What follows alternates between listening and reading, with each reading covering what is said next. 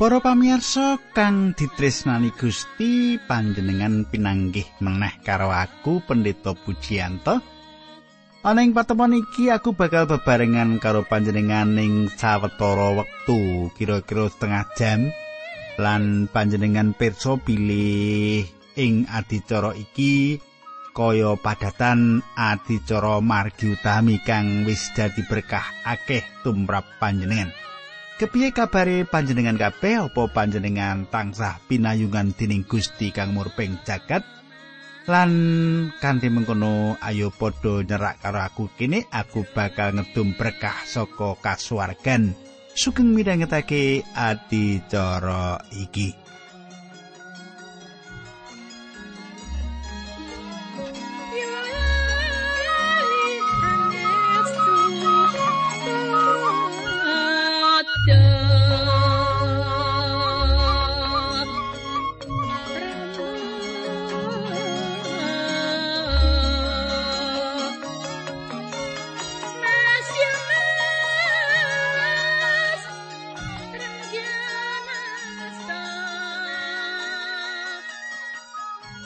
Katangku sawise telung dina bangsa Israel ninggalake segara Tebarau ngambah telatah ora samun lan segara wedi.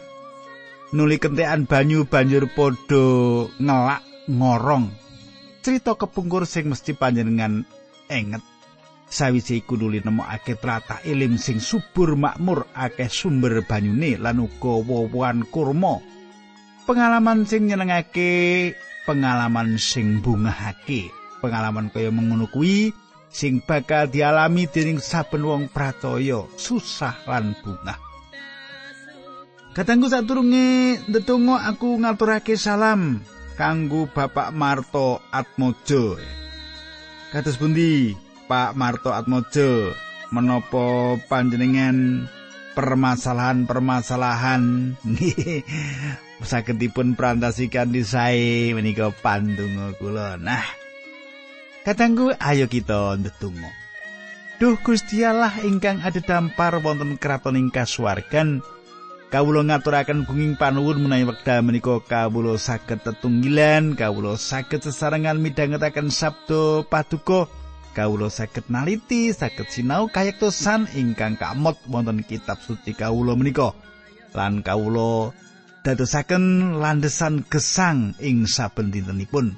Linambaran asmanipun Gusti Yesus Kristus kawula ndedonga. Haleluya. Amin.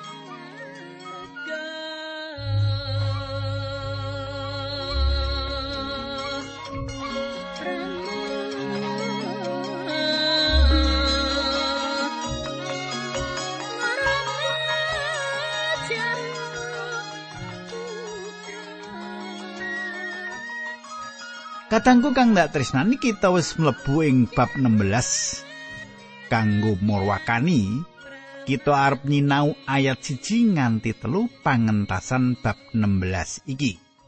Coba panjenengan gatekake aku bakal macake ing basa pedinan. Umat Israel kabeh banjur padha mangkat saka ing Elim lan ing tanggal 15 sasi loro tekan segara Wedisin ya kuwi antarane Elim lan Gunung Sinai. Ana ing kono umat Israel padha ngrundeli Musa lan Harun. Tembungi. Langkung sae menawi Gusti Allah anggenipun mejahi kula wonten ing Mesir. Sebab wonten ing mriku kula sak mboten-mbotenipun saged ngadep kuali isi daging lan roti ngantos tuwuk. Nanging samenika panjenengan sampun ngirit kula sak pasamuan dumugi ngriki supados kula sami pejah kaliren Kadangku wis titiwanci loro setengah wulan bangsa Israel ninggalake Mesir. Bangsa iki padha mrengut lan besengut ngrundel nalika ngadepi segara Teberau. Nuli muji-muji Allah kanthi kidunge Musa sawise bisa nyabrang.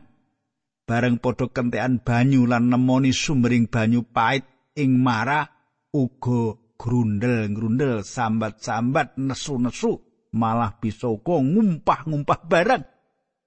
Monggo nggone padha keluaran saka tanah Mesir iki jalaran Allah midhangetake kabeh pangrintiye pasambate bangsa iki marang Allah jalaran anggone katindes dening Mesir. Kaya critane awake dhewe, para wong percaya iki wis kawilujengake saka upahe dosa sing diarani pati nanging isih padha ngedumel ing ngarsane Allah jalaran ngadepi kahanan sing ora nyenengake. Allah ndadar umat supaya tahan urip prihatin sing ing pungkasani lan paring janji bakal terus nganti lan ngreksa salakune. Saiki ayat papat nganti 6. Pangandikane Allah marang Musa, aku bakal nekakake pangan kaya udan saka ing langit kanggo kowe kabeh. Saben dina kowe kudu padha nglumpukake pangan kuwi sak cukupe kanggo sedina. Srana patrap mengkono aku bakal pirsa apa wong-wong iku iya padha mbangun turut karo dawuhku apa ora. Ing dina kaping 6 wong Israel kudu padha nglumpukake sarta masak pangan mau tikel lorone adati. Musa lan Harun banjur ngendika marang wong-wong Israel, "Mengko sore kowe bakal padha ngerti yen Allah sing ngluwari kowe saka ing tanah Mesir." Ayat pitu. Sesuk kowe bakal padha ndeleng cahyaning pangeran kang mblerengi, mertandani yen Gusti Allah rawuh. Panjenengane wis mirengake pangrundelmu marang panjenengane, ya marang panjenengane piyambak, sebab aku iki rak mung nindakake dawuh. Mitraku, saben pangrundel pambesengute Israel ora suwe Allah nedahake kamulyane. Iki nandhake yen Allah ora kepareng marang kita yen kita tansah grundel, ora nrimo marang berkah Allah. Apa maneh yen patrape urip kita tansah nyalahake liyan, malah bisa-bisa nyalahake pangeran Allah. Akeh wargane pasaman Kristen sing isine urip mung grundel wae. Rasane wong Kristen sing kaya ngono ora bisa nyukuri berkah Gusti. Bakal ora bisa tentrem uripe yen ana pesaman sing kaya ngono iku. Sajake kanggo sawetara wektu perlu golek pesaman sing ora tansah grundel. Pangentasan 16 ayat 8. Musa banjur ngendika mengko sore Gusti Allah bakal maringi daging marang kowe sarta sesuk esuk roti nganti sawarekmu merga panjenengane wis miyarsa panggrundelmu marang Allah yen kowe ngrenengi aku iku satemene kowe ngrenengi Gusti Allah katangku sing bener yen panggresula ngrundel ing sajrone pasaman perlu ngati-ati apa panjenengan lagi ngrundel perkara Pak Pendeta ora tau tindak dalam panjenengan apa Pak Pendeta mendel ora semana ngati-ati yen enggon kita ngrundel kedelarung-delarung bisa pangrundel iku didawahake marang Allah. Gusti Allah ora rena penggalihe marang wong Kristen sing uripe tansah diisi kanthi panggrundel. Ayat 9 bab 16 tekan 10. Mengini surasan. Musa banjur ngendika marang Harun umat kabeh kumpulno ing ngarsane Allah sebab panjenengane wis midhangetake panggrundele. Bareng Harun ngendika marang umat Israel kabeh banjur padha madhep marang ing ora samun senalika iku uga cahya kamulyane Allah ngetingal ana sajroning migo. Ayat 11 nganti 13. Pangandikani Allah marang Musa, aku wis midhanget pangrundele wong Israel. Kandakno karo wong-wong iku yen ing wayah sore bakal padha mangan daging lan ing wayah esuk bakal padha mangan roti sawarege. Srana mengkono wong-wong bakal padha ngerti yen aku iki pangeran Allah. Ing wayah sore ana manuk gemak. Gerombolan akeh banget padha nebo nganti nutupi panggonan sing kanggo ngedekake kemah. Dene esuke banjur ana bun ing sakubenge kemah. Katengku Gusti Allah ora mung maringi mana sabangsane roti marang bangsa Israel nanging uga ngirimake manuk gemak sing akeh banget nganti nutupi papan panggonan kemah kaya dilulu yo. Wah, saiki ana roti mana lan uga ana daging gemak panggang.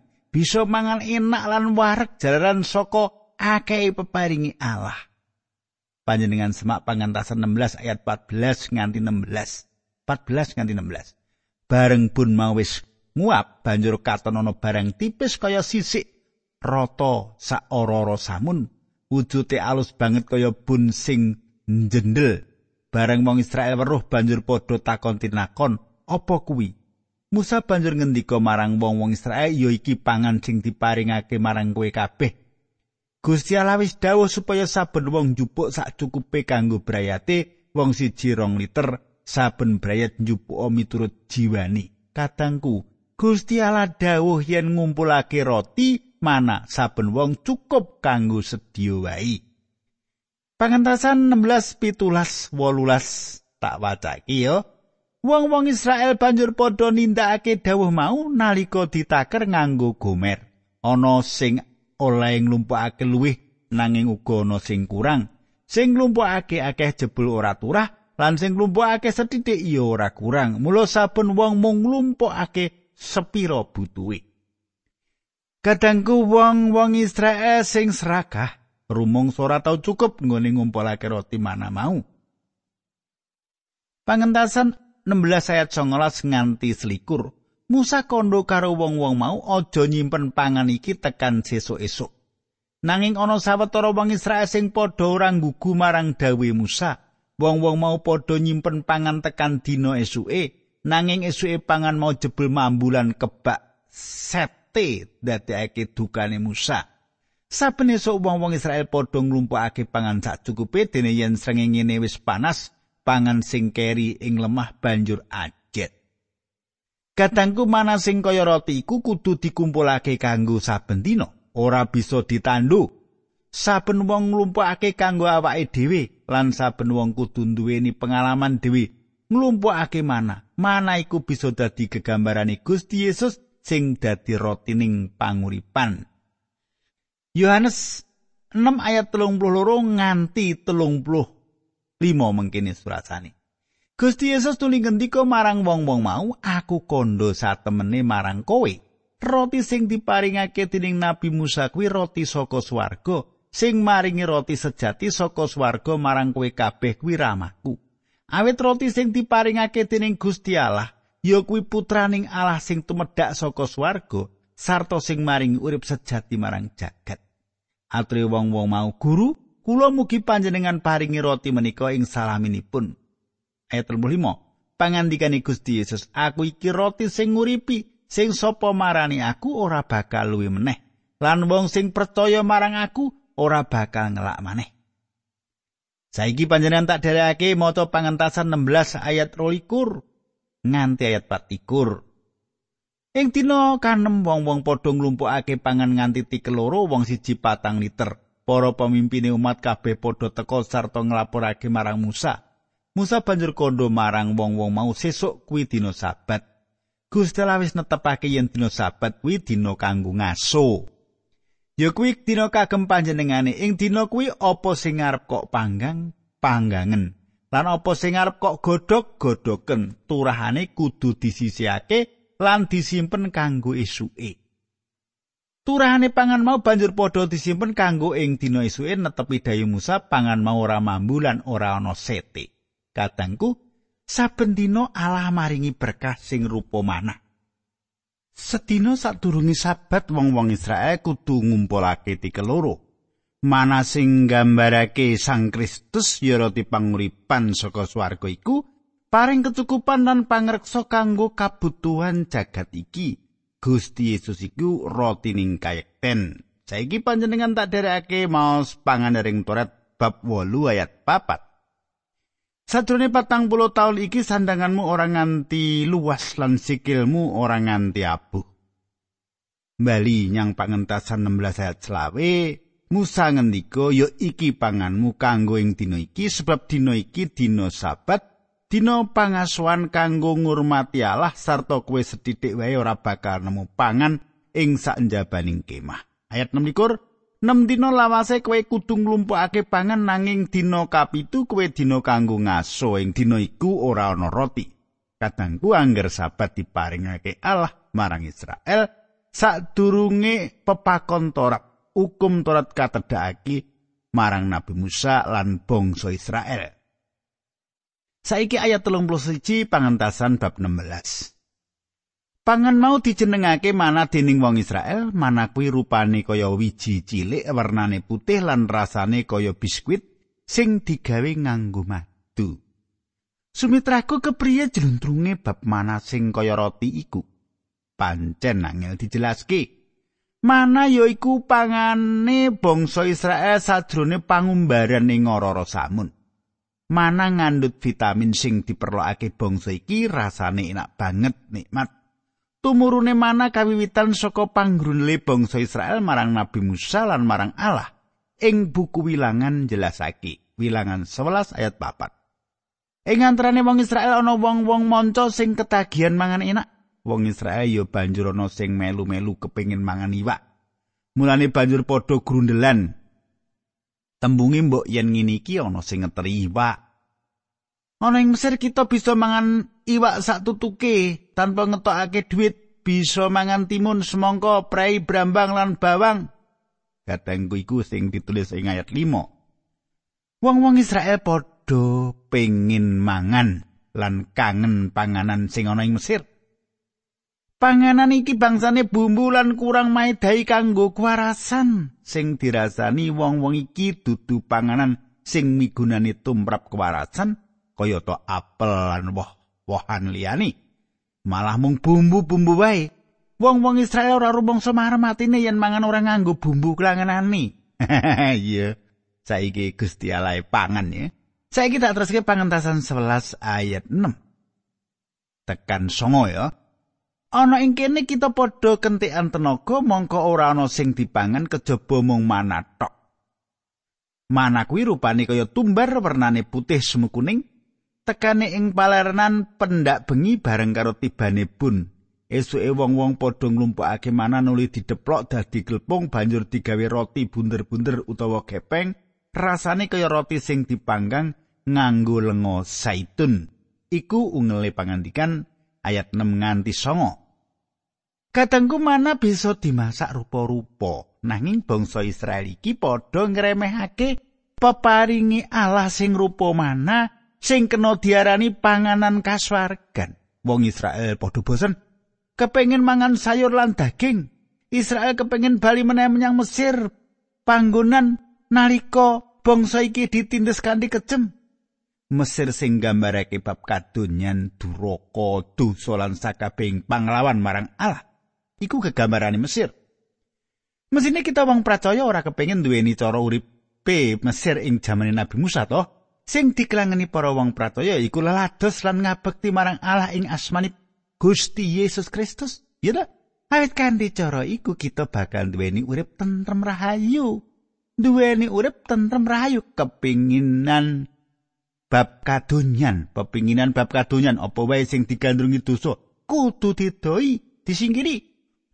Panjenengan lan aku kudu nyingkir saka pakarti iku. Urip kita kudu marem kanthi manaroti ning panguripan. Urip setya tuhu marang Gusti kita Yesus Kristus. Nah, saiki diterusake ayat 32 nganti 33 pangantasan 16 iki. Pangandikane Musa Gusti Allah wis ndhawuhi kita supaya nisihake mana setitik kanggo turun kita supaya turun kita padha ngerti pangan sing diparingake dening Allah marang kita ana ing ora-ora samun ya kuwi nalika Gusti Allah ngirit kita metu saka ing tanah Mesir. Dawe Musa marang Harun njupuk guci isen ana mana rong liter sarta dokokno ing papan palenggahane Allah disimpen kanggo turun kita. Kadangku sak guci mana disimpen ing papan palenggahane Allah utawa tabut perjanjian. Bab iki dicethakake ing pungkasane buku pangentasan yen ing jerone kalenggahane Allah iku mana iku disimpen. Tekane Harun sing metu semine. Guci sing isi mana lan loh watu sing ana tulisane angger-anggering Torat. Angger-angger iku nelakake yen mung Sang Kristus sing bisa nglampahi kanthi sempurna. Panjenengane Sang Kristus jangkepi hukum Torat pepakone Torat mau kanggo panjenengan lan aku mana gambarake uga Kristus sing sinalip sing nyediake rotine panguripan kanggo uripe karohanen kita tekeni Harun gambarake tangi saka antarane wong mati teken mau katumpangake ing dhuring kalenggahane Allah tabut perjanjian pralambangi bedamen perdamaian kanthi tetesing getih ya karana iku Allah ngranggeh manungsa supaya bisa nampa kawilujengan. Jalaran yo mung panjenengane wae sing bisa dadi dalan karahayoning manungsa. Panjenengane sing sedo kasalib tumetes rae sing suci tanpa dosa ganti paukumane manungsa supaya manungsa sing padha pracaya marang pakaryane padha nampa urip langgeng saiki ayat 34 teko 35 pangentasan bab 16 Harun banjur nyelehake guci ing sangareping peti angger-angger disimpen manut dawe Allah marang Musa mana kuwi dadi pangane wong Israel sakjroning patang puluh tahun nganti padha tekan kanaan panggonane sing tetep Gomer iku takeran kanggo barang garing sing lumrahe dinggo dek jaman semono sak gomer padha karo rong puluh liter. Kadangku, ing rong ayat iki ngandhakake yen bangsa Israel mangan mana nganti patang puluh tahun. Bareng bangsa iki wis mlebu tanah perjanjian, mana wis ora tumurun maneh saka ing langit. Nuli wong-wong iki padha mangan jagung sing ana ing kono. Pancen ora bisa diselaki kadangku, kanggone bangsa Israel mana iki pangan sing ngidapi-dapi. Urip sawise diluwari saka Mesir nganti tekan tanah kenaan dicukupi pangane nganggo mana. Pengalaman sing meh padha karo uripe bangsa Israel sing ora kabeh padha nyukuri berkah sing wis ditampa yaiku kaluaran saka panindese Mesir lan mana pangan sing diparingake Allah kabeh wong sing ngaku percaya wong Kristen pindhane wis padha ngadeg ing ngarepe salibe Sang Kristus nanging apa sing ditindakake ing kono? Ora bab sianu lan sumadong lakoni sabdane Gusti nanging perkara-perkara donya sing bakal ngedohake meneh saka ngarsane Sang Juru Wilujeng. Yen panjenengan wis celak karo Sang Kristus Mazmur 34 ayat 9 atur pitedah nyatakno dhewe sepiro kabecikane Allah mau bejo wong kang ngungsi marang panjenengane sumitraku semene dhisik aturku muga panjenengan kaberkahan monggo kita ndedonga Duh Kanjeng Rama ing swarga kawula ngaturaken gunging panuwun menawi wekdal menika kawula saged tetunggilan kalian sedherek-sedherek kawula ingkang setya tuhu midhangetaken adicara menika lan kawula sampun beberaken berkah-berkah ingkang wonten ing kitab pangentasan bab 16 menika. Kawula nyuwun supados saking menapa ingkang kula aturaken menika ndadosaken kegiatan panglipuran lan jejeking iman kapiyandelan kangge sederek-sederek kawula ingkang midhangetaken adicara menika. Linambaran asmanipun Gusti kawula Yesus Kristus kawula ndedonga haleluya amin. Ya